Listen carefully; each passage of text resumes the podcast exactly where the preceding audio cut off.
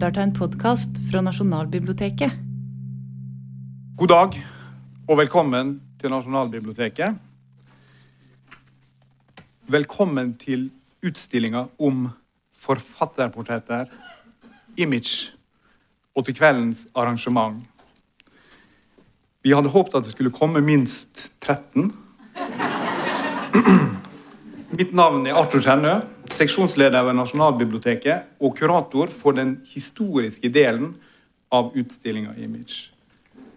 Hvorfor er forfatterportrettet så viktig? De hører til i en historisk portrettkultur, og de gir ansikt til forfatteren. Den biografiske, historiske forfatteren. Men kanskje mer interessant de publiserte portrettene bidrar til å etablere forfatterens karakter og stemme, og blir slik en del av bokas litterære retorikk. Slik sett plasserer det seg i krysningspunktet mellom virkelighet og fiksjon. I 1716, for 300 år siden, døde Norges første store litterære stjerne, Dorothe Engelbrektsdatter. På 8. mars kan jo passe å minne om at Norges første litterære stjerne var ei kvinne. Og hun kalte seg den første hundpoet.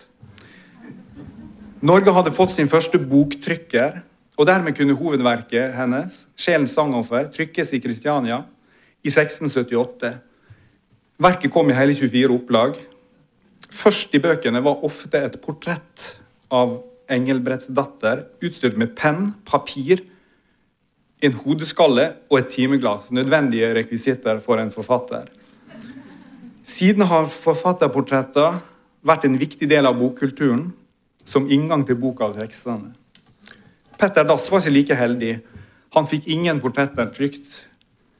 Før man i 1874 tilla han et portrett. Eh, men om det er han Mange har argumentert med at det er mange i familien hadde samme krumme nese. Det kan være et bevis, men uansett om det er den historiske Dass, så har vi, vil vi takke Roland Barth for å ha gitt oss teorier som gjør at vi kan bevise at dette her er forfatteren Petter Dass. Så kom fotografiet. Fotografiet har stor kraft som bilde. Det kan også gi stor kraft til forfatteren. Og det kan også være farlig. Billedhuggeren Thorvaldsen var den første i Norden kanskje, som ble portrettert. Han viste det tegnet der, korna, for å beskytte seg fra å bli fratatt sjela si av fotografiet. Vinje var ambivalent, Collett var skeptisk, og Ibsen tok kontroll over bilder. Vi viser i utstillinga eksempler på det psykologiske karakterportrettet av fotografer fra det 20. århundre, som Anders Behr Wilse og Åge Remfeldt, som sier det tidsrom hvor i et menneske sitt ansiktsuttrykk gjenspeiler det verdifulleste av sitt indre, er så kort at ingen formår å gjengi det, kun fotografiet. En av de siste bildene i Nasjonalbibliotekets historiske del er et portrett av Tarjei Vesaas. Bildet av Vesaas hører med til ei bok som en nødvendig del av den, skrev Dag Solstad i 1969. Fotografen av det bildet, Johan Brun, han er til stede her i dag.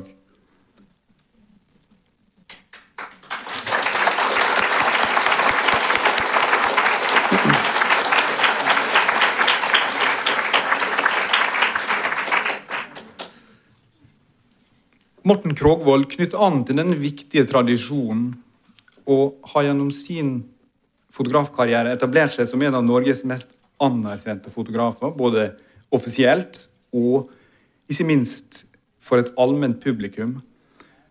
Han har gjort opptak med en lang rekke klassikere blant norske forfattere, i tillegg til at han fortsatt er aktiv og har lagt helt nye og aktuelle bilder til i utstillinga. Vi syns derfor han kunne passe veldig godt til å presentere sine fotografier i forbindelse med vår historisk orienterte utstilling. Utvalget har han selv stått for, og han representerer samtidig den sentrale rollen som fotografen og fotografiet har fått som bildemedium. I tillegg til fotografvirksomheten har han arbeidet mye med formidling av egne og andres fotografier gjennom en rekke bokutgivelser. Han har lagt vekt på å formidle hvordan bilder oppstår i dialog mellom fotograf og den portretterte, bl.a. gjennom TV-sendinger med opptaksprosesser. Krogvold har utvikla sin helt distinkte stil, som er veldig tydelig.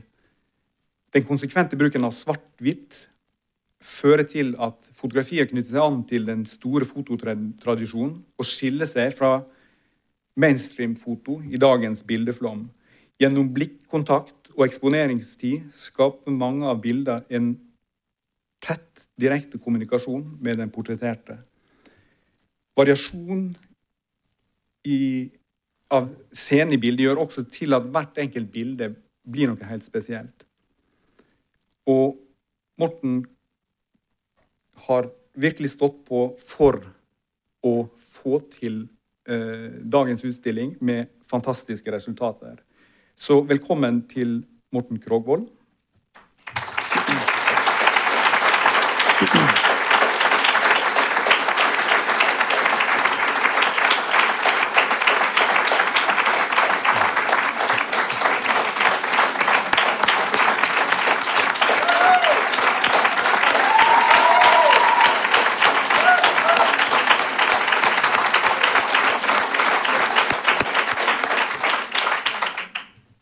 Velkommen også til Linn Ullmann, nylig nominert til Nordisk råds litteraturpris for De urolige, og eh, som også ble tildelt P2-lytternes romanpris. Men ikke minst en forfatter som er portrettert i dagens utstilling. Hun skal delta i en samtale med Morten Krogvold om portrettkunst i litteratur og fotografi.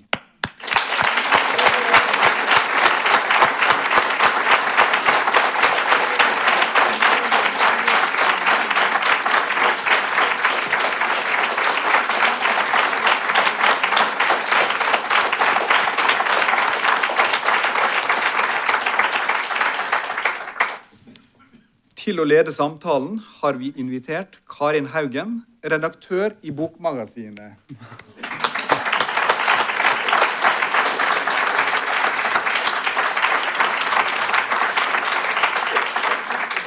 Og da sier jeg vær så god til Karin.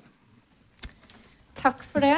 Og det er en glede å være her i, på kvinnedagen, intet mindre. Eh, vi skal nok få legge inn et lite nikk til den sånn underveis, med å snakke litt, komme litt inn på hvordan eh, kjønn spiller inn når eh, kvinner og menn eh, fotograferes og, og, fremstilles. Men eh, først og fremst skal vi altså snakke om fotografier. Og eh, i samtalen om litteratur så er det ofte sånn at vi konsentrerer oss om verket. og isolerer det litt fra alt som omgir det. Forlag og mottakelse i samtida og hva slags bilde vi har av forfatteren, bokstavelig talt. Vi lever jo i en veldig bildedominert kultur, men vi er kanskje ikke så veldig trent til å se, få øye på den og snakke om den sammen. Så det får vi bøte på i dag. Um, og vi skal ikke snakke direkte om den historiske utstillinga som står der, men den er jo en klangbunn for samtalen. Men jeg har lyst til å begynne med de bildene som du har tatt, uh, og som um, står i andre etasjen. Uh, og kan du bare fortelle litt om, om bildene, både utvalget av forfatterne du har fotografert, og, og, hvordan du jobber med dem? Tanken mm. bak bildene? Det vil jeg veldig gjerne. Først har jeg lyst til å takke Nasjonalbiblioteket for invitere meg. Og takk for alle dere som kommer. Det er helt enestående. Tusen takk. Ehm, jeg har jo en veldig fordel som fotograf. for Både bladet Kapital har jo kåret meg til Norges styggeste mann. Og det har også Pushwagner gjort. Han, sa, jeg, han lagde et portrett av meg, for du er det styggeste jeg har sett. Og det liker jeg med deg, sa han. Så, så, jeg trenger jo ikke tenke på noen skjønnhetsgreier. Men uh, det jeg har gjort, altså, det er jo, halve utstillingen er jo fotografert før. Og jeg har valgt som en filmskaper eh, at du lager en film med en tone. Altså Jeg har ikke valgt at disse bildene Hvis jeg hadde tatt det på en annen utstilling, så ville jeg tenkt annerledes. Men jeg har uh, i respekt for forfatterne videreført de 350 årene. Og så har jeg linket til den tradisjonen. Altså har jeg gjort det mye mer klassisk nå enn jeg kanskje ville gjort en annen gang. På en, mer egen uh, utstilling. Og så har jeg jo hatt en kjempeproblem med mørkerådsprintene ved vissheten om at på formiddagen så er det fem ganger mer lys på den ene siden enn på den andre. Så, den, eh, så 90% av åpningstiden så ligger bildene på den ene siden i skyggen og bildet det andre. Så det ser for lyst ut ved vinduene og for mørkt ut. Så nå ser det for mørkt ut på kvelden. Men hvis jeg hadde lysna det, så hadde det vært helt krise uh, på, på formiddagen. Og da har jeg lagt det i midten, og så har jeg tenkt veldig på at Dette er for spesialister her, men uh, jeg har lagt ut de best printede bøkene av fotografer som Albert Watson, Anton Corbin, som jobber med veldig høye kontraster, og sammenlignet mine altså silverprint, mørkeråttprint med dem, og så har jeg bevisst gått ned. Jeg, syns i den digitale verden nå så trekker du på en spak, og så gnistrer bildene opp i noe voldsomme høylys som jeg syns er blitt et problem. Så jeg har trukket bildet ned, faktisk litt etter råd fra min gamle venn Tom Sandberg, vår avdøde, som syns jeg lå for høyt. Ligger fortsatt langt høyere i kontrast enn han gjør, eller gjorde. Men jeg har lagt meg litt dempet. Og så har jeg tenkt at jeg skal ikke showe off. Eh, jeg skal ikke komme i veien for forfatterne. Jeg vil, som Roy Andersson sier, at kamera ikke skal bli et optisk instrument i hendene på en fotograf. Jeg vil gå rett inn på forfatterne. Og det er de som skal være Forfatterne skal være viktigere enn Morten Krogvold på den utstillingen. Hadde jeg hatt en separat utstilling på et kult sted, så ville jeg Så ville jeg tenkt helt annerledes. Men det er forfatterne som er viktige, og jeg er ikke viktig her. Men jeg formidler av Jeg skal ikke snakke lenge, men jeg er formidler av forfatternes sårbarhet. Jeg husker Tove Nilsen sa i det programmet jeg gjorde med henne, at mens du skriver, det handler aller minst om vellykkethet. Og det har jeg liksom skjønt fra alle forfatterne, at selv om de er stjerner, og de er eksponert, og de er altså superstar, så er jo ikke det når du sitter og skriver. Da er du en kylling og en aspeløv. Og den sårbarheten i kraften, og det tror jeg hvis For denne utsvingen den, den, er ingenting hvis man bare ser og tenker at dette var litt kjedelig og dette var litt grått. Så kan man bare gå igjen. Men hvis man gidder å gå inn på bildene, så er det faktisk bra. Fordi da, da må du begynne å lese forfatterne. For jeg har lagt inn hele tiden på alle bildene en liten spenning, bortsett fra Torbjørn Egner det er gjort i 83, så ligger det en liten nervespenning, en kontrapunkt. Eh, noe som ikke fungerer. Altså den uperfekte perfeksjon. Og så har jeg ikke gått opp og flasha det veldig bevisst. Så det vil si at hvis jeg hadde fått denne altså Hvis jeg skulle fotografert Kjell Askildsen eh, om et år til en utstilling i Stockholm, så ville jeg gjort, kanskje gjort det annerledes, fordi da hadde jeg kjørt en større egotripp. Jeg har tatt meg ned og forfatteren opp. Mm. Og Linn, du er en av forfatterstjernene som er med i denne eh, utstillinga. Og eh, som forfatter så har du jo Du blir jo tatt bilder av i veldig ulike sammenhenger. ikke sant? På scenen, og eh, forlaget bruker bilder i forbindelse med bøkene, og det er hjemme hos-reportasjer. Det er det ikke. Nei, nei, nei. Nei. Nye sofaen hennes. Men hvordan ser den fotografiske som, eh, prosessen ut fra din side, og hva er forskjellen på åpenbart ikke hjemme hos-reportasje, men hva, hva, er forskjellen på en sånn klassisk portrettsituasjon som dette, og andre typer bilder du er, er utsatt for? holdt jeg på å si? Uh, altså for det første så er det jo kjempefint å så var det veldig fint å jobbe med deg. Jeg var, kjempe, jeg var veldig nervøs. Uh, det tror jeg veldig mange forfattere har til felles. Og det gjaldt ikke bare denne altså Jeg tror ikke det er så stor forskjell mm. mellom å skulle i utgangspunktet å tenke nå skal jeg ta bilde her, og nå skal jeg ta bilde der. Um, for jeg tror for mange forfattere og det ser vi jo også det ser vi jo både i den, den gamle utstillingen eller av de avdøde forfatterne, men også en del av, av oss levende. Altså det ligger en Ja, du snakket om, om den sårbarheten, mm. men, det, men, men det er et Det å skrive er jo på mange måter det motsatte Det tror jeg det var Stig Seterbakken som sa. Det motsatte av å selvrealisere seg selv. Det er egentlig å destruere seg selv. Det er å, å, å oppløse seg selv. Mm. Um, og da blir det å bli tatt bilde av Det er det motsatte av det. Uh, det føles fangene, kan føles som fangende kategoriserende, men det er jo ikke meg. Altså, uh, Kjell Askildsen har skrevet en novelle som heter 'Jeg er ikke sånn, jeg er ikke sånn'. Uh, som er i hvert fall the story of my life. Uh, og da er det klart at det å bli tatt bilde av er altså Det første impulsen er altså å si 'ja, men ja, ikke, ikke, gjør det'. um, jeg vil ikke Altså altså Når man skriver, så, så, så, så, er det jo veldig ofte fordi man ønsker å overskride en del kategorier som vi blir satt i som mennesker. Eh, kjønn er en av dem. ikke sant? Alder er en annen.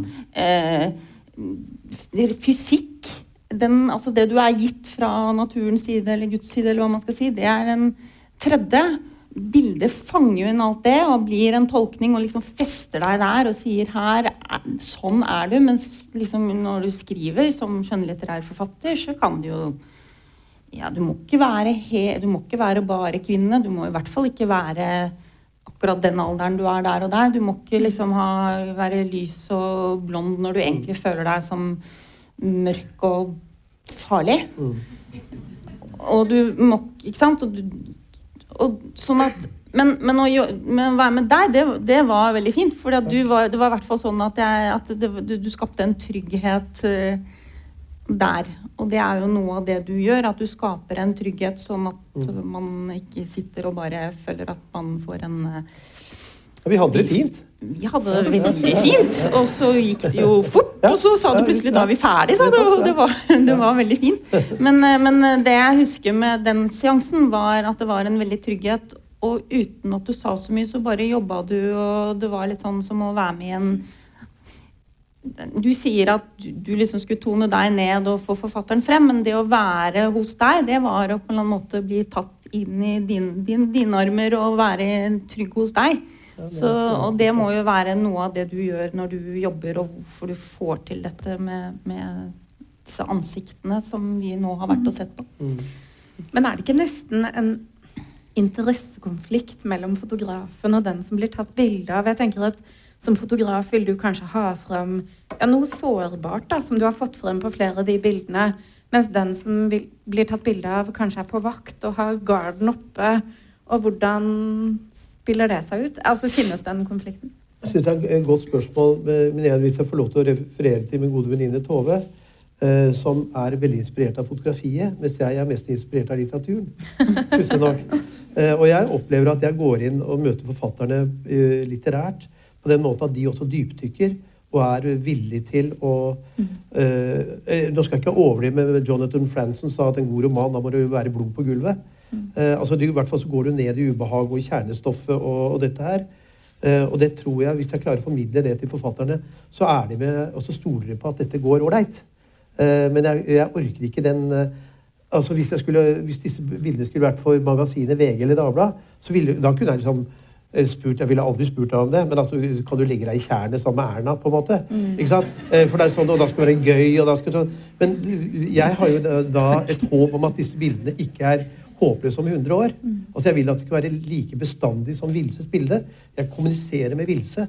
Og jeg kommuniserer med Johan Brun, og jeg kommuniserer med Åge Remfeldt uh, på denne utstillingen. For dette er én utstilling. Altså gjør jeg det helt annerledes på den utstillingen. Og så vet jeg at noen kommer til å si at dette var ikke så overraskende, dette var ganske dølt og sånn. Og det er i orden. Men da har ikke sett utstillingen. Mm. For, for da har ikke sett på hva som skjer i ansiktene. For det er der jeg har lagt uh, Og jeg føler at hvis jeg jobber med en åpenhet overfor forfatterne her på hva jeg holder på med, så får jeg en aksept, aksept tilbake.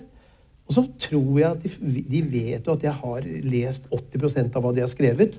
Minimum. Uh, at jeg vet hva de holder på med. Og så lager jeg meg et bilde på forhånd, men det bildet blir jo aldri sånn. Mm. Men uh, jeg må jo sitere din far, som sier at uh, det er noe med at du må være forberedt før du kan improvisere. Og hvis du, improvisasjonen ikke funker, så er den forberedelsen viktig. I hvert fall mentalt. At jeg er mentalt forberedt.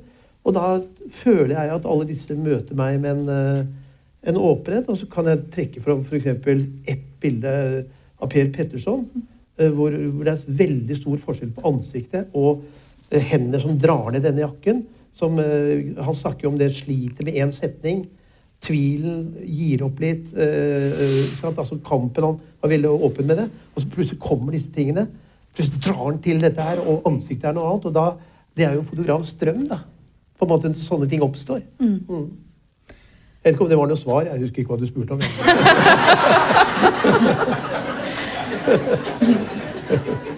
Men eh, det er flere av de bildene der oppe som i alle fall for meg rimer med Hvor bilder, fotografiet rimer med bildet jeg har av litteraturen til forfatteren. da. Eh, eh, fotografiet av Kjærstad, f.eks., eller Petterson eller Inge Hagerup. Hvor jeg føler at jeg, det, det, korresponderer liksom med følelsen jeg har for litteraturen deres. Men eh, eh, Ja, hvor, leter du etter det? Leter du etter en måte å liksom lage et typisk bilde som kan si noe om Ha samme følelse i seg som litteraturen? Deres. Igjen et godt spørsmål. Jeg har det Når jeg kommer på opptaket, så har jeg det indre bildet. Mm. Men jeg vet at det blir aldri sånn. Mm. Det, men, jeg, men allikevel må jeg ha det indre bildet. Og så oppstår det, for det er en direkte kommunikasjon. Mm. Og f.eks. bildet med Inger. altså Vi skal jo ha en omvisning her på lørdag klokka 13. Og da har jeg veldig mange gode historier uh, å servere. Men f.eks. Inger, da var jeg hos Anne Marta Borgen på Knatten. Og så sa jeg til Anne Marte jeg har så lyst til å fotografere Inger. Hun er jo på alders hvile, stakkar, på det jævlig gamlehjemmet. Jeg ringer og bestiller taxibåt, og så var Inger der på en time. Og da var det om å gjøre for, henne, for meg å fotografere henne før hun hadde drukket tre flasker rødvin. Ikke sant? Eh, eh, da, men da var hun bare, eh, hun var bare på. Og jeg fikk veldig kritikk av Jeg fikk brev fra Olav og Hauge at det gikk ikke an å fremstille henne sånn. For dette var jo en dødsmark. Og så maske, og så skriver Olav Jeg har det brevet. Og jeg er ikke så veldig klar for døden ennå. Men når jeg ser Ingers portrett, så føler jeg at døden banker på. Så det er ubehagelig. Og da takket jeg for komplimentet.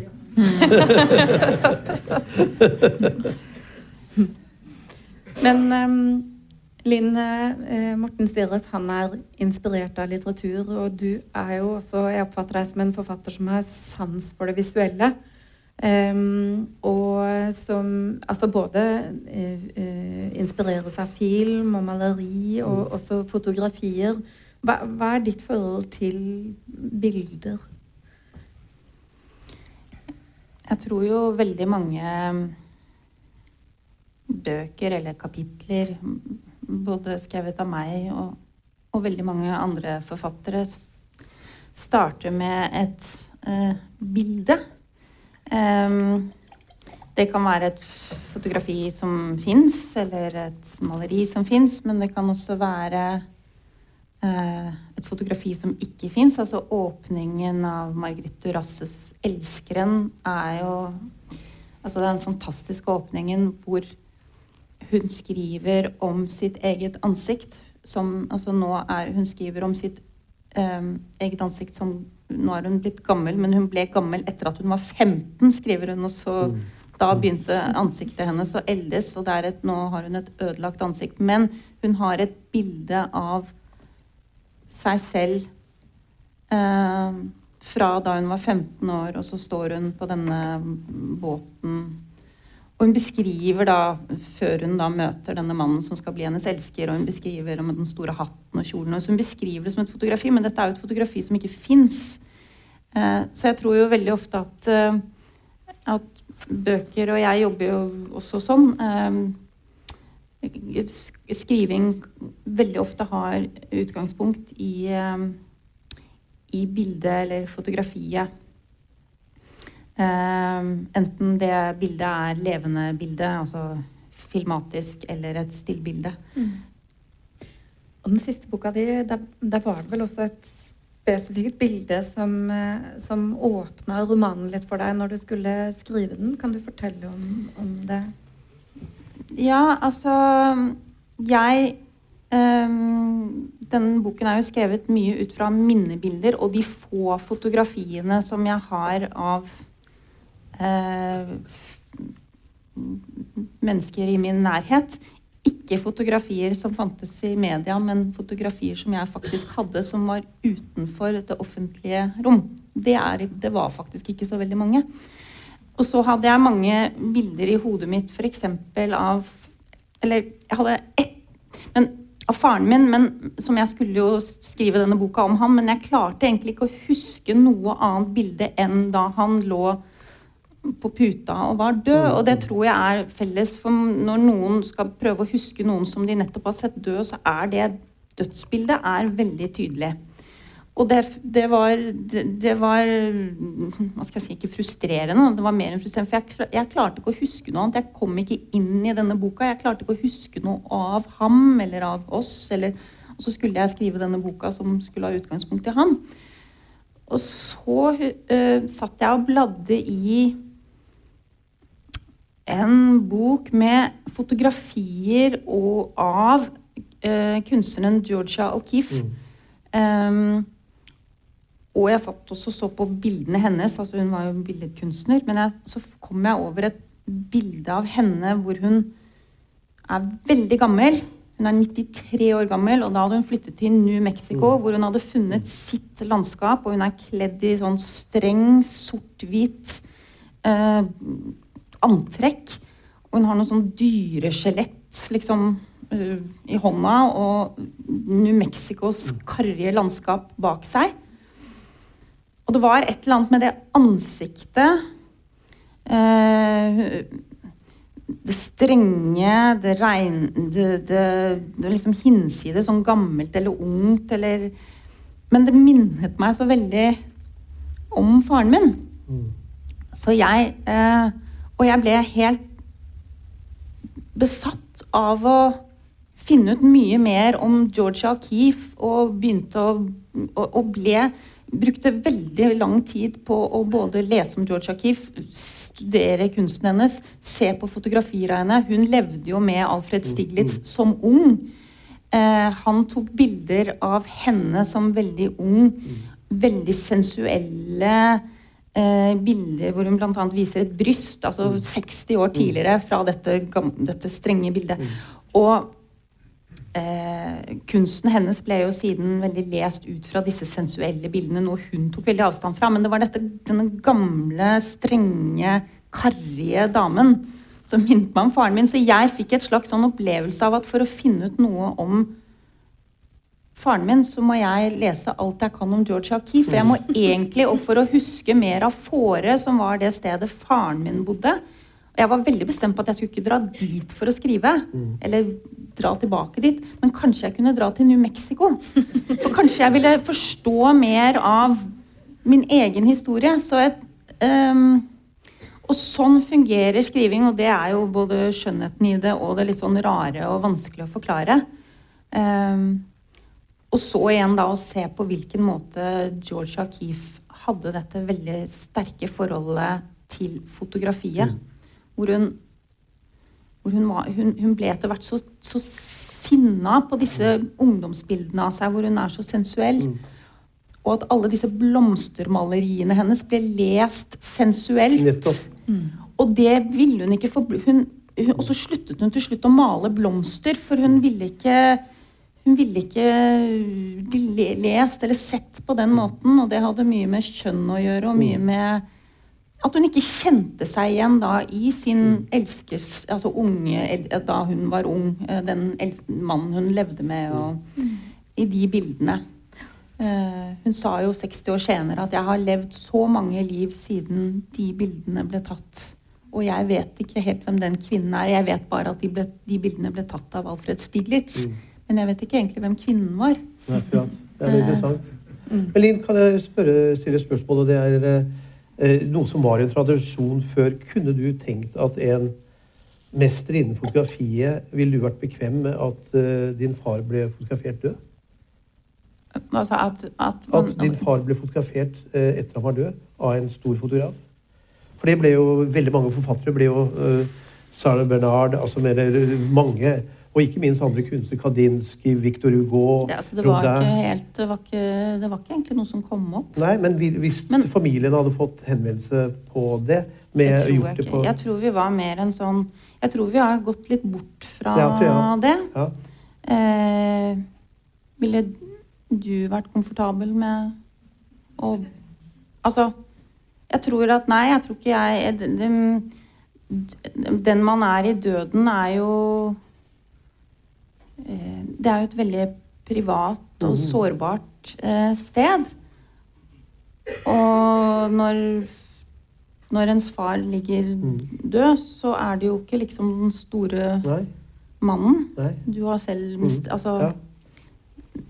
da er det jo da er det jo han som ble gammel eller syk, som døde. Og, Det er og det er en er jo lang at lang dette var en tradisjon før. Det var en tradisjon Ja. før, men da hadde vi også tradisjon med å faktisk fotografere de døde mye mer. Altså Vi fotograferte de døde barna, Nettopp.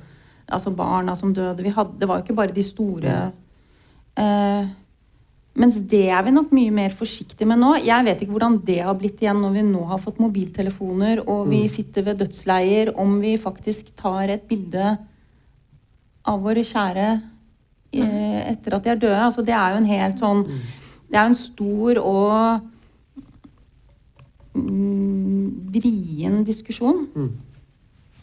Og så kanskje er det også noe altså På utstillinga her ute så er det jo også dødsmasker. Og um, kanskje en, en sånn følelse av at før så tilhørte man offentligheten i døden, mens nå er den privat. da.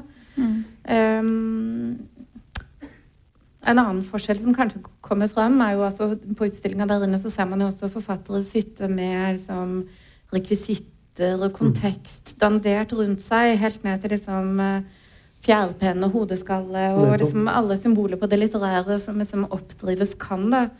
Um, uh, Henrik Wergeland sitter med en, en hund i fanget og en sommerfugl uh, som kommer inn vinduet. Um, mens jeg leste at når du skulle ta bilde av Knausgård nå, for eksempel, i den nye utstillinga, så fikk du en halvtime med ham på Malmö stasjon før han skulle til Ja, for Tokyo. Han hadde jo misforstått dagen, så jeg hadde bestilt billett. Og så fikk jeg beskjed at han måtte avlyse. Så sa jeg det holder ikke. Så da tar jeg billett dagen før. Så jeg møtte han på Ystad stasjon. Han var jo på vei til Japan. Uh, og han kom svingende inn med denne store varevognen sin. Ble, men jeg, hadde jo, jeg sa bare, bare kulen, for jeg finner en fantastisk sted. Og da hadde vi et 45 minutters uh, veldig Og da takket han ydmykt over at jeg kunne gjøre det på 45 minutter, men det er ikke noe problem. Uh, for, for, eh, jeg kan bestemme meg for å si at 45 minutter eller 30 minutter er kort tid, eller jeg kan bestemme meg for at det er lang tid. Det er bare min mentalitet. Hvis jeg ikke klarer å fotografere Linn Ullmann eller Karl Ove Knausgård på 30 minutter, så må jeg finne på noe annet å gjøre. Ikke sant? Men det som eh, jeg har lyst til å bare trekke frem som eh, Og det, er ikke sikkert det er bra eller ikke bra. Det er når man kommer opp eh, og ser utstillingen min, så er det jo en digital printet fra min digitalprint, Haldis Moren Vesaas. Og så er min originalprint. Og den gnistrer, den Haldis, og mye hardere. Mye mer kontrastrik og popper ut. Men eh, der vil vi se hva jeg har gjort i mørkerom, for jeg dempet det betraktelig. Og alle overgangene er mye, mye eh, eh, altså alle overgangene er mye mykere, så det er veldig stor forskjell. Men det er veldig lett å tenke at den første, for den er hard, altså kontrastrik, er kul osv. Men det som er også interessant, er at hvis jeg hadde brukt digital, så ville jo hele utstillingen sett helt annerledes ut. Ikke teknisk, men da ville forfatterne bedt om å få se bildene på skjerm. Og det eh, er at jeg har fotografert forfatterne uten at det finnes bilder i rommet. Det finnes ikke en polarid, ingenting. Jeg har jo ikke lysmåler engang. Så det er ingenting av disse tingene som er eh, Så det er helt fritt. Så forfatterne vet ikke hva som er på veggen før de kommer her. Ellers så kunne de gått inn mer, som var- på Arthurs utstilling, Mm. og, og gestalte seg selv og si nei, det likte jeg ikke, delete det. Og så hadde kommunikasjonen forsvunnet, for da hadde Linn vært tilbake og sett på det. Og så hadde mm. det liket jeg ikke, kan ikke gjøre sånn, eller eh, Og så hadde det blitt noe annet. Da hadde du hatt Ibsen i Det- det- studio Ja, men altså, poenget er at det hadde blitt et annet menneskelig uttrykk i bildene. Eh, ikke bare teknisk. Og det er ganske interessant ved at jeg skjuler at de vet ikke hva som uh, jeg Det var faktisk veldig skummelt. Ja, det kan dere skjønne. For du var veldig vag da jeg sa men vi får se det. ikke sant? Ja. Vi får se det, og du var litt sånn vag, da. Ja. Jeg sa kanskje du, sa jeg. Og så, og, så, og så skjønte jeg plutselig at ikke det var sånn. Eh, og, og det var faktisk en, eh, ja, en skummel ting. For da handler det jo om kontroll, ikke sant. Ja. Mm. Men det er interessant, for det er så mye det snakk om en digital teknikk og analog teknikk. Det er jo den det, er minst, altså det jeg liker minst med digital, jeg liker veldig mye med digital, fantastisk, det er at man går amok med kontrastene og med fargene. Og det jeg liker og som jeg syns er et problem, det er at bildene er på skjerm, så modellen kan begynne å bli en del av diskusjonen. Det er en av grunnene til at jeg jobber med sølv. Og ikke fikser, men at jeg jobber med sølv, eh, og at jeg er helt fri for noen innblanding. Den hemmeligheten. Og jeg vet heller ikke hva jeg får. Nei. Og jeg liker ikke å ha kontroll. Jeg vil ikke ha helt kontroll. Nei, men du har mer kontroll enn den som Ja, det Jeg håper da det. Um, men du nevnte noe fint om Georgia O'Keeffe og hvordan hun ble så plaga av Altså hvordan disse ungdomsbildene egentlig forfulgte henne inn i hennes kunstnerskap. da, Prega bildet av henne, og hun ble lest opp mot de tidlige sensuelle bildene av henne. Og det er jo eh, ofte sånn at bildene av en forfatter påvirker eh, hvordan, hvordan vi tolker de og, og hvordan vi oppfatter de. Og altså en forfatter som Olav H. Hauge, f.eks. Du ser dem med en gang for deg altså blant apallen og i strikkejakka. Em, eller som eh, Solstad skriver om bildet som Johan Brun har tatt av Vesås. Vesaas. Eh, Solstad skriver eh, bildet av Vesaas hører med til en bok av Vesaas som en nødvendig del av den. Mannen som rodde utover sjøen, dikteren ved årene i egen båt ved eget vann. Em, eh, ja, hvilke forfattere er det dere føler blir, liksom, har blitt forma av vårt, uh, våre bilder av dem? Ja, jeg har noe øh, forslag der, men hva tenker du? Um, ja, eh, altså et moderne eksempel er jo Knausgård. Altså, og selv i det bildet du har tatt. Altså, det er en liksom hard Ja. altså, Du har tatt det, hva var det, på Ystad stasjon. Ja, du har funnet en litt sånn hard, røff vegg. Ikke sant? Han eh, Bildet av ham er jo nå rundt på alle bøker, mm. de oversatte bøkene av Min mm. kampserien. Mm. Og det er et eller annet med at bildet av ham eh, og teksten komplementerer hverandre, sånn at nå ser vi, leser vi det ene ut fra det andre. Altså vi leser teksten ut fra bildet og ser bildene ut fra teksten. Og altså det er eh, Han er eh, Han er litt sånn Ser litt sånn hardbarka ut. Litt sånn Rockestjerne? ja, ja, men det er mer sånn å, litt sånn vinteraktig eh, men, men det er en veldig seksualitet i de bildene også, som mann. Altså, han er, altså, det, det, det spiller jo på en rekke bilder av også hvordan vi gjerne vil se forfatteren. Se hvordan ikke sant? Ok, Før så var det med hodeskallen og fjærpennen og alt sånn. Men jeg tror jo ikke egentlig at det er mindre iscenesatt. Jeg sier ikke at han er den han iscenesetter mer enn oss andre, men, men der er det er jo også fotograf, fotografen og bildene av ham på en måte samstemmer jo veldig med hva en forfatter skal være. Han, altså, det er spennende, det er gåtefullt, det er mørkt. Eh, og, og vans og, der, og der kommer vi kanskje også inn på kjønn. For det er, altså, og liksom håret er litt sånn Litt gråne. Og, og som James Wood, en kritiker, altså en veldig fin amerikansk kritiker han, Jeg hørte han en gang drøfte, og han som er veldig begeistret for Knausgårds forfatterskap, men han drøftet liksom bildene på disse pocketbøkene. Og han sa He looks almost kind of dirty. Altså unwashed. Og, og, og det, det bidrar jo bare til appellen ved bildene. Um, for, en kvinne, altså for en kvinnelig forfatter er det en, en større utfordring. Altså Fordi at du får ikke den effekten hvis du på en måte er eh, kind of dirty og litt utett Altså, du, det blir ikke å stille opp mot en grå vegg. Altså, det blir ikke. Um, um, så det, det er jo interessant bare å snakke om. Sånn, um, så da kan jo kvinnelige forfattere ty jo til andre ting, kanskje, for å prøve å finne og, Men vi så jo på den utstillingen altså av de avdøde forfatterne. Er det det man skal kalle dem? Ja. Altså ikke den du har gjort, men den hvor det er altså fra den første, som er Dorothée eh, Ja. Dorothea hva er det Dorothée det? Engs... Ja. Å, jeg klarer alle sine. Ja. Engebrettsdatter. Engebrettsdatter. Ja. Ja. Eh, altså Som jo var en som ble beundret i sin samtid. altså Petter Dass skrev brev til henne, og alt sånt, så hun var jo Men hun skriver jo noe om allerede der, noe om ubehaget ved å bli avbildet, altså tegnet. Og alle de eh, Nesten alle de kvinnelige forfatterne bildene eller noe i teksten handler om noe av ubehaget eller ambivalensen ved å bli fotografert. Eh, Og det er nok ikke bare kjønnsbetinget, men jeg tror at det har en del av det å, Ja. å gjøre. Magdalene, I den historiske utstillingen da, så sier Magdalene Buchholm om sitt portrett at hun nok liksom ikke tålte denne eksponeringa. fordi da, For å, å tåle det, så måtte man være ung og smukk. Mens Vinje skrev 'Mitt eget billed glad som Gud'. Jeg skuer trekk for trekk. Eh, og Ibsen eh, også sa med et utvalg portretter av ham selv meget gode. Um, så det er jo Og jeg syns jo også man kan se altså Det er jo ikke en kategorisk eh, inndeling, men jeg syns jeg ser det samme som deg. Eh, en, en ambivalens, en reserverthet.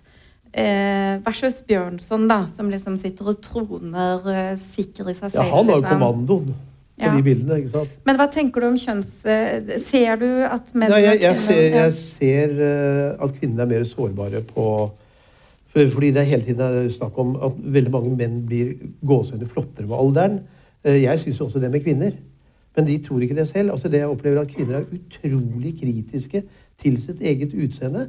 Og jeg, merker sånn generelt, siden jeg er på kvinnedagen, at mine mannlige venner de er ikke så de er ikke opptatt av at de skal- kvinner skal være sylfider og holde på. Og de ser jo at alle kvinner, når de skal i kvinneselskap, så pynter de seg i tre timer.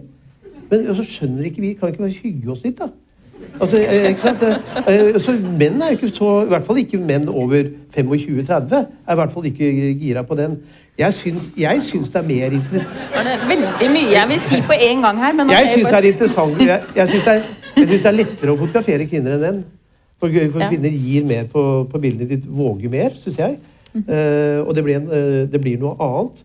Eh, men når du går tilbake til disse, disse ikoniske bildene, så har jeg i Alberts skjønnhet gjort noen. altså Det er ikke noe tvil om at forlagene etterspør Olav Ove Hauge som bilde. De etterspør Haldis Moren Vesaas som bilde. Torborg Nedreås som bilde. Hans Børli som liksom bilde. Det skal på hele tiden det, det er brukt. Men nå er det jo kanskje mer og mer, altså vanskeligere og vanskeligere å få til det fordi de blir fotografert hele tiden.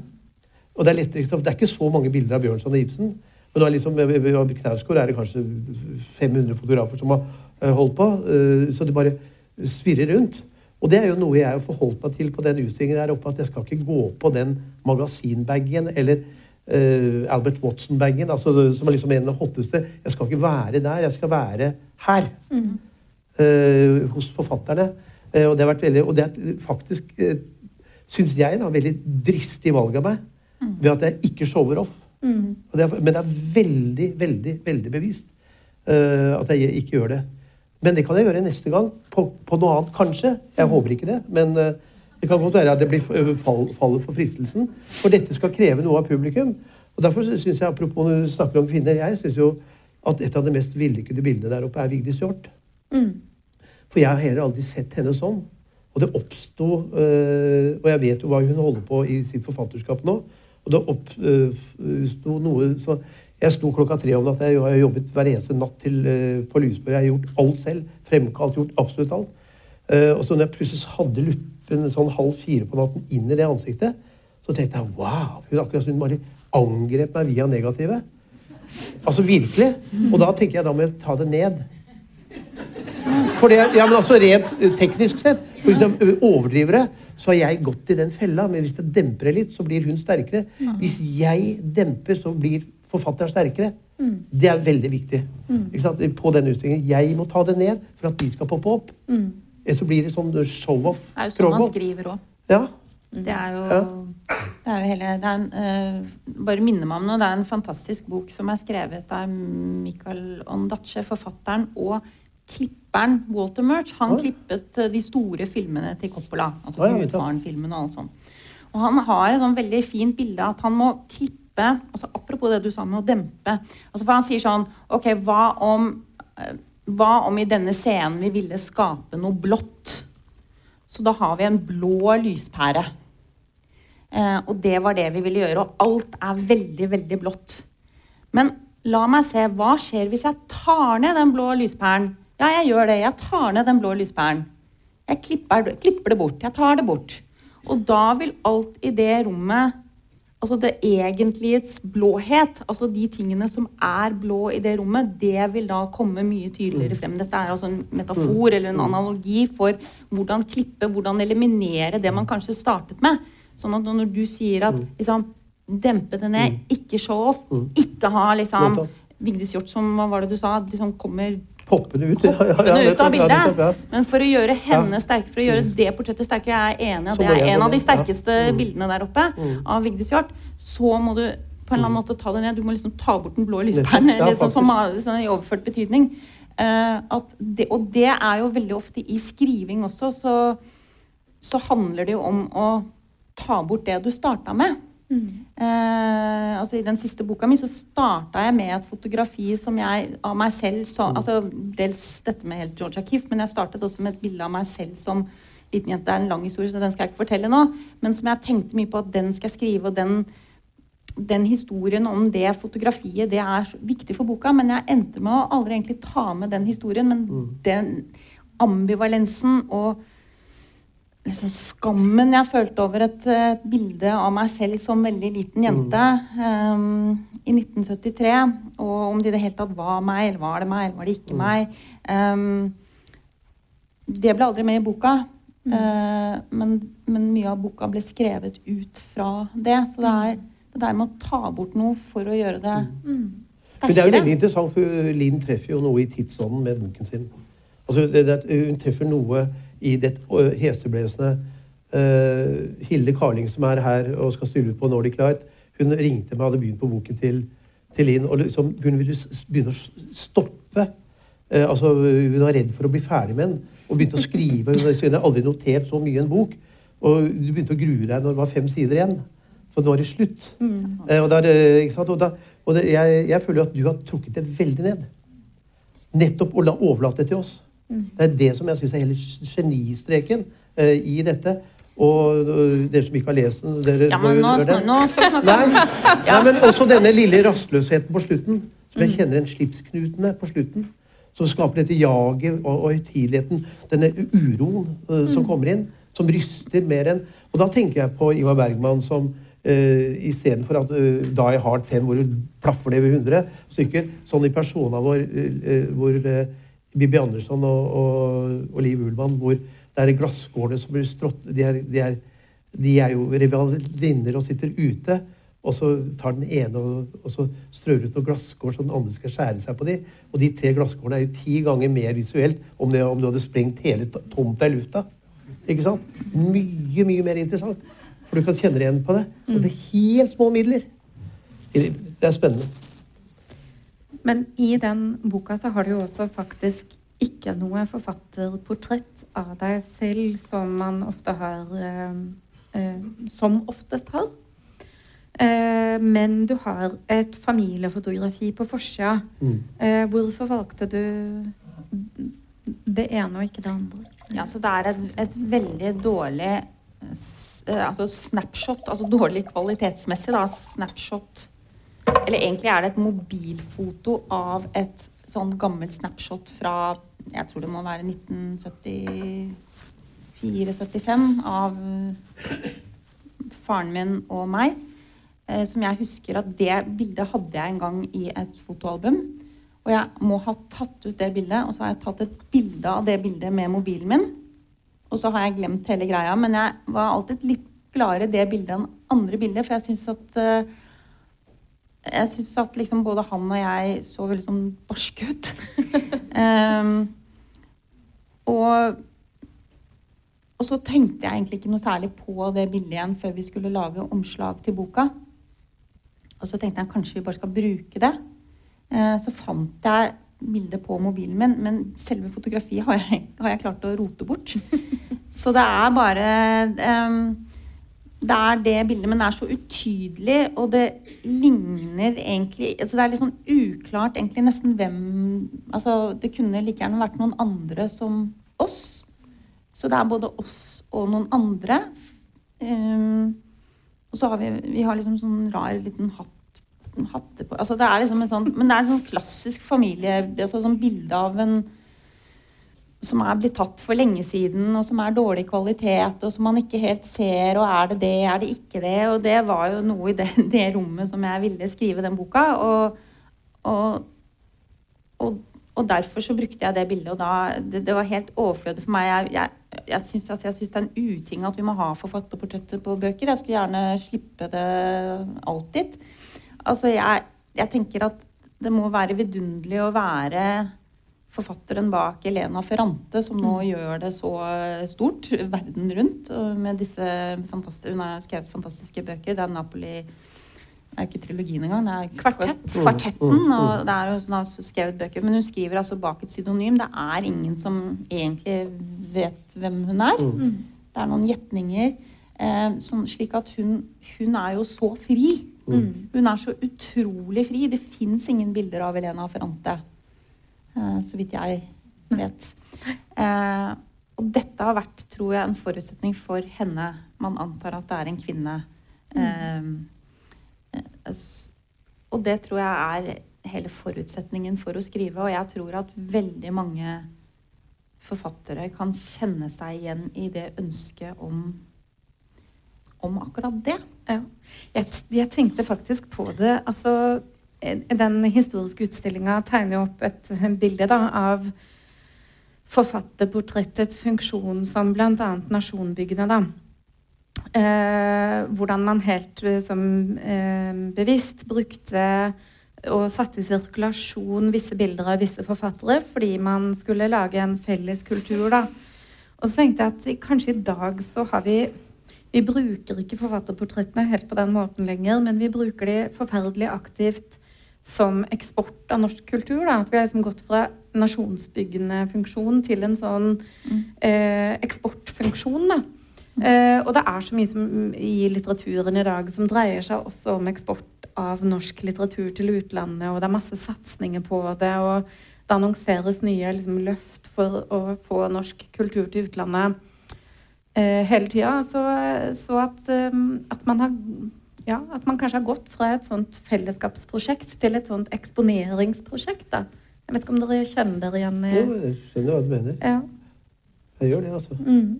Men jeg syns jo det er et mirakel inne på, på denne utstillingen. Er f.eks. portrettet av Nordahl Grieg, som ja. man ikke vet om døde fem timer etter eller to dager etter. Altså, mm. Han med sigaretten ser i kamera. Og hvordan skulle han vite hva som skulle skje? Mm. Og det, Du ser inn i det blikket, og så er det det siste, mm. og han krasjer. Mm. Uh, og det, det, det, på en måte drar opp historien. Uh, hva vet vi om morgendagen? Mm. Ikke sant? Det er sånn memento mori uh, fra hans side. Så den utstillingen er jo sånn sett også helt fantastisk. Men jeg, jeg, jeg lyst til apropos det du nevnte med å trekke ned. altså Johan Brun, som er her, han har jo tatt det absolutt ikoniske bildet av Alf Prøysen. Mm. Og Alf Prøysen er fotografert bakfra med hendene på ryggen oppå den øh, stien jeg husker hva den het, veien, Prestveigen eller hva det het. Ikke sant? Med hendene på ryggen. Det er jo ti ganger sterkere hvis du ser ansiktet hans. Det er et fantastisk bilde. Mm. Ved at vi, vi, vet hvordan han ser ut, men vi får ikke se det. Mm. mm. Igjen ta bort ting, ikke sant. Mm. mm. Ja, men det er et viktig poeng også, fordi ofte så er det jo nettopp ansiktet som er det bærende mm. i i bildene.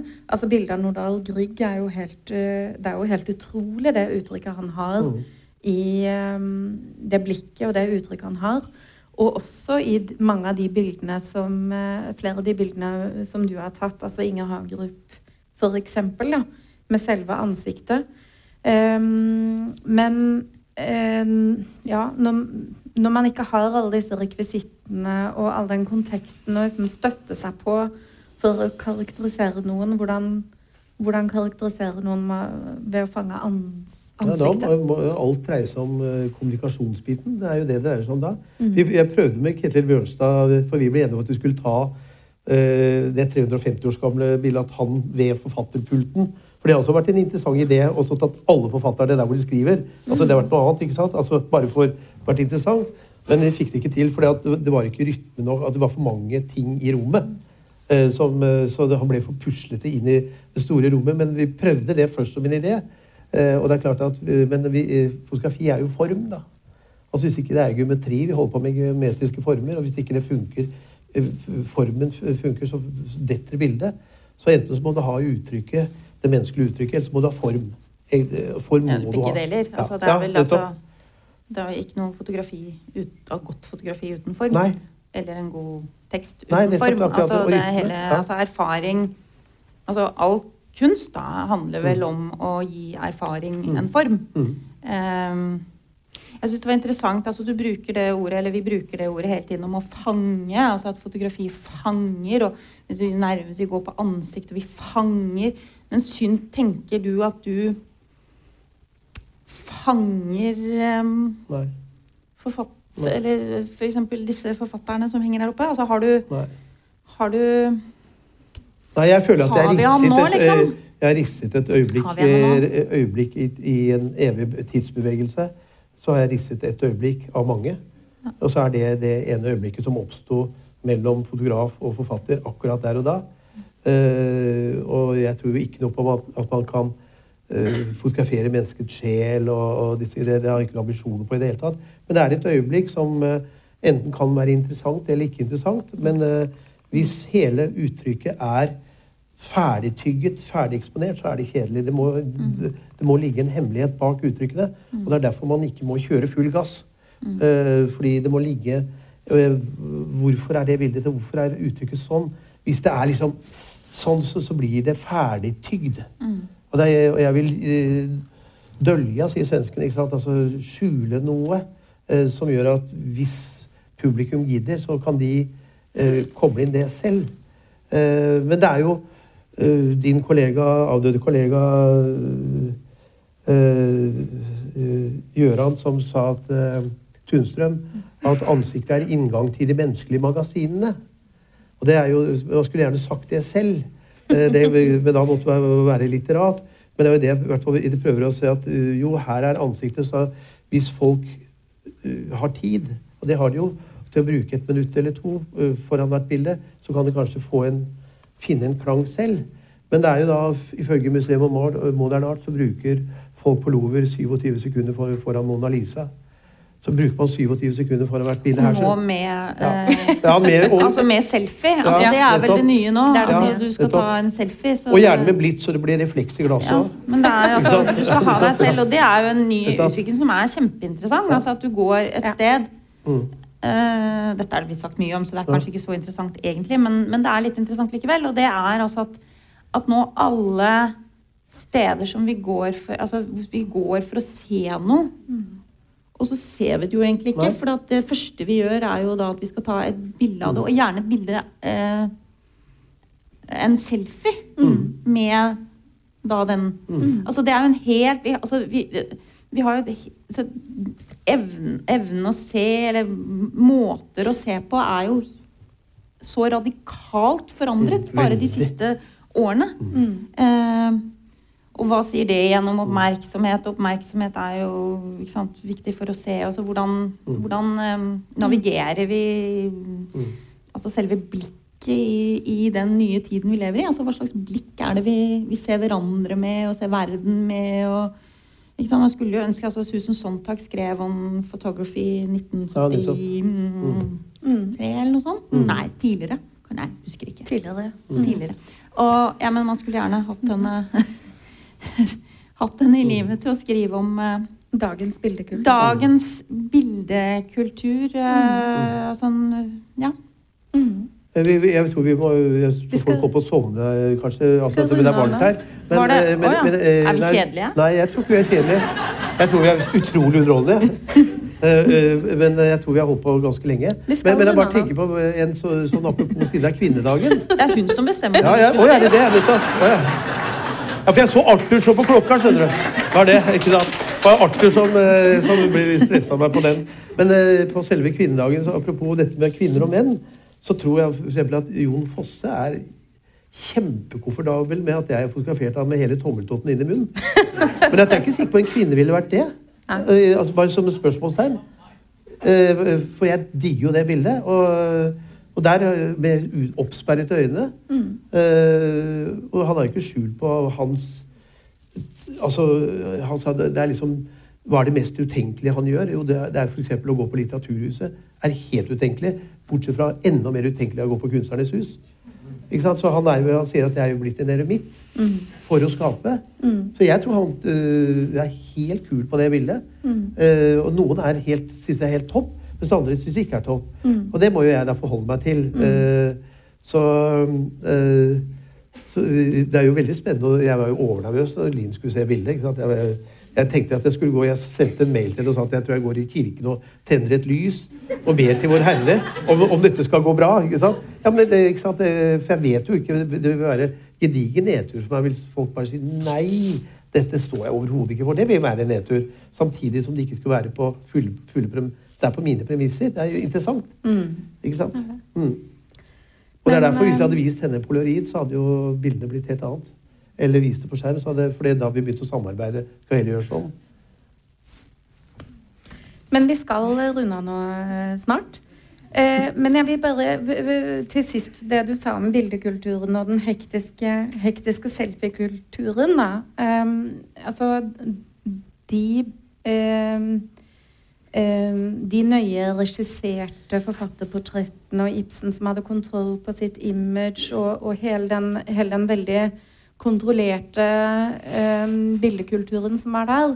Eh, nå, nå er det jo ikke sånn for forfattere lenger. Nå er det mer sånn at kanskje den jevne borger har, har litt mer kontroll over sitt, eh, sitt eget, eh, sin egen bildefremstilling med liksom kuraterte Instagram-feeder og egne blogger, og at man selv, den jevne borger, har tatt over kontrollen av sitt bilde. da.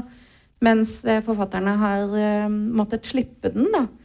Eh, men så oppfatter jeg vel at den, altså de Krogvold-portrettene er en sånn klassisk ikke sant, gjenvending til en klassisk tradisjon og også en mye større ro. da.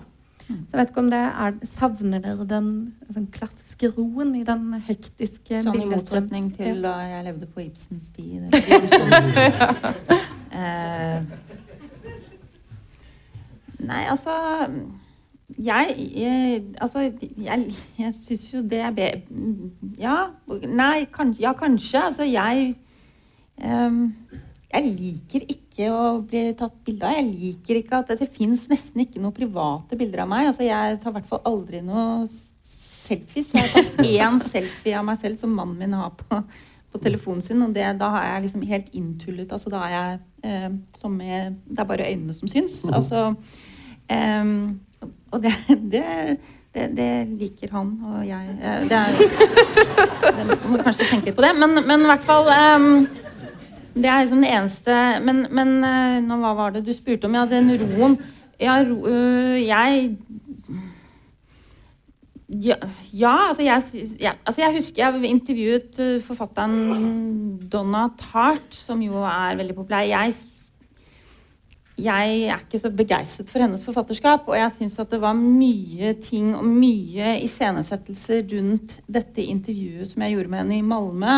Jeg tror hun gjorde et intervju på Litteraturhuset her også i forbindelse med den siste boken. Altså hun hadde masse regler for hvordan hun ville fremstilles, og altså det er veldig veldig stylet, veldig sånn, og man fikk ikke lov til å ta bilder fra publikum. Altså hun ville ikke bli fotografert, og presse fikk bare bruke bilder som hun ikke sant? Jeg tenker liksom Herregud, går det an å være altså, Snakk om forfengelig diva. Det er litt sånn, tenkte jeg. Samtidig så er det noe av det som jeg kan forstå. Jeg kan forstå det. Fordi eh, at jeg, jeg kjenner ikke noe sammenheng mellom mitt ansikt og min litterære stemme. Eller min fysikk. Mitt, og i hvert fall ikke det kameraet fanger. Altså, det, det, jeg syns at det er bare litt sånn uh. Eh, mens, mens, der jeg, eh, mens, mens jeg kan kjenne et kjennskap i Ikke ditt bilde, altså, det er ikke Don sånn ment, men, men, men altså et kjennskap i, i Kanskje fra tid til annen i det jeg skriver, da. Så, så ja. Mm. Men så ja, jeg savner kanskje den eh, roen. Det hadde vært flott å være sant, Bjørnson og sitte litt sånn. Altså, jeg tror kanskje jeg skulle kunne Kanskje vi gjør et litt sånn med hodet Ja, ja, ja. sitte med sånn. Ja, det er litt sånn Men, en sånn autoritet, ikke sant? Ja, veldig. Men det du, det du spør om, eh, som uh, jeg er veldig opptatt av, for jeg liker jo den roen. Altså jeg, mm. Min musikk er den klassiske musikken, fra Bach til Maler. Uh, kanskje Chet Baker. og jeg liker en klassisk litteratur. Altså jeg er inne på Sibelius, jeg på altså, Jeg elsker Dostojevskij. Jeg er der. Jeg, og jeg opplever ikke at jeg er gammeldags. Men det er helt klart at det mest patetiske som kunne skjedd, var at den utstillingen oppe i annen ser ut som det er fotografert av en 25-åring med capen bak frem. For det er den ikke. For jeg er ikke 25 år, og jeg har ikke capen bak frem. Og det, jeg syns det skal gjenspeile Jeg syns det er patetisk når menn i min alder prøver å være 30 år i bildene sine. Og prøve å være moteriktig. Det er det mest patetiske. Det skal se ut som det er en mann på noen av 60 år som har tatt de bildene, mener jeg. Det skal det gjenspeile. For sånn er det, for ellers blir det fake. For meg. Men tror du at bildene dine av forfatterne Altså er det Ja, la oss ta meg og deg, da. For du sa jeg vil vise forfatterne og sånn. Men er det, er det mest deg, eller er det mest meg? For du har jo også sagt at du ville ha kontrollen, ikke sant? Ja. Og, det, og det er jo bra for som kunstner. Men altså det bildet som du tok av meg, Ja, det jeg er det mest deg, eller er det mest meg? Jeg mener at det er mest deg. Ja, for jeg, jeg vil si at det er det, at deg, og at jeg var glad, glad at jeg var i dine, og at det liksom Det klarte jeg meg bra i. Men- Altså, men- men sånn, men, men, men, det er deg. Nei, men, jeg- altså, jeg, jeg tror du, du øh, kommuniserte med kamera uh, fantastisk. Og du, du valgte jo en kjole øh, og du, øh, som var kortarmet, og du kommuniserte med kamera. Ja, du ba meg ta med forskjellige ting, Ja, og så valgte ja. du kjolen.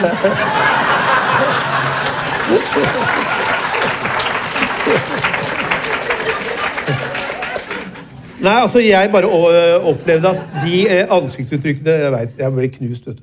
Eh, at, de ansiktsuttrykkene som kom, overrasket meg. Eh, veldig positivt. Jeg syntes det var fantastisk vakkert. Og det backet jeg på. Du kom opp med eh, noen utrolig vakre eh, uttrykk. Og eh, jeg visste ikke at du eh, Jeg sa til deg du så ut som du var en danser. Hele altså, kroppsbevegelsen, den måten du beveger skuldrene på og sånn, var for meg helt organisk. Eh, Og da lot jeg egentlig bare kameraet gå, for jeg, jeg visste at lyset funker. Og da, da tok jeg egentlig de bildene Vi gjorde jo veldig fort. Mm. Og du bød på noe som overrasket meg veldig. Og, så jeg var jo helt ekstatisk. Jeg var jo så, Men da er det sånn Hvor startet det? Ja, det- altså, det- med deg, ja, da, ja. tror jeg. Eller sånn. Ja. Ja, det er ja. det, er- det er det. Ok, det er, men dette kan bli veldig intimt og Men nå får dere gå opp eh, alle sammen og se på bildene selv. Og Men skulle vi ikke gå, Arthur, skulle vi gå til Johan skulle kanskje eh, si noe om det ene bildet? Det må du ta. Ja. ja. Takk for oss.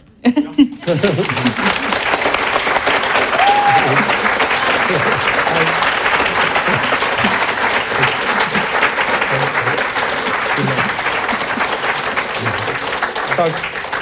Tusen takk. Da vil jeg si tusen takk til panelet, eh, eller samtalepartnerne, og tusen, tusen takk for en veldig interessant samtale å følge. Um, jeg vil også, da, som vi var inne på her, så er det nå mulig å se eh, begge delene av utstillinga. Også Morten Krogvolds selvportretter oppe i eh, andre etasje. Mm.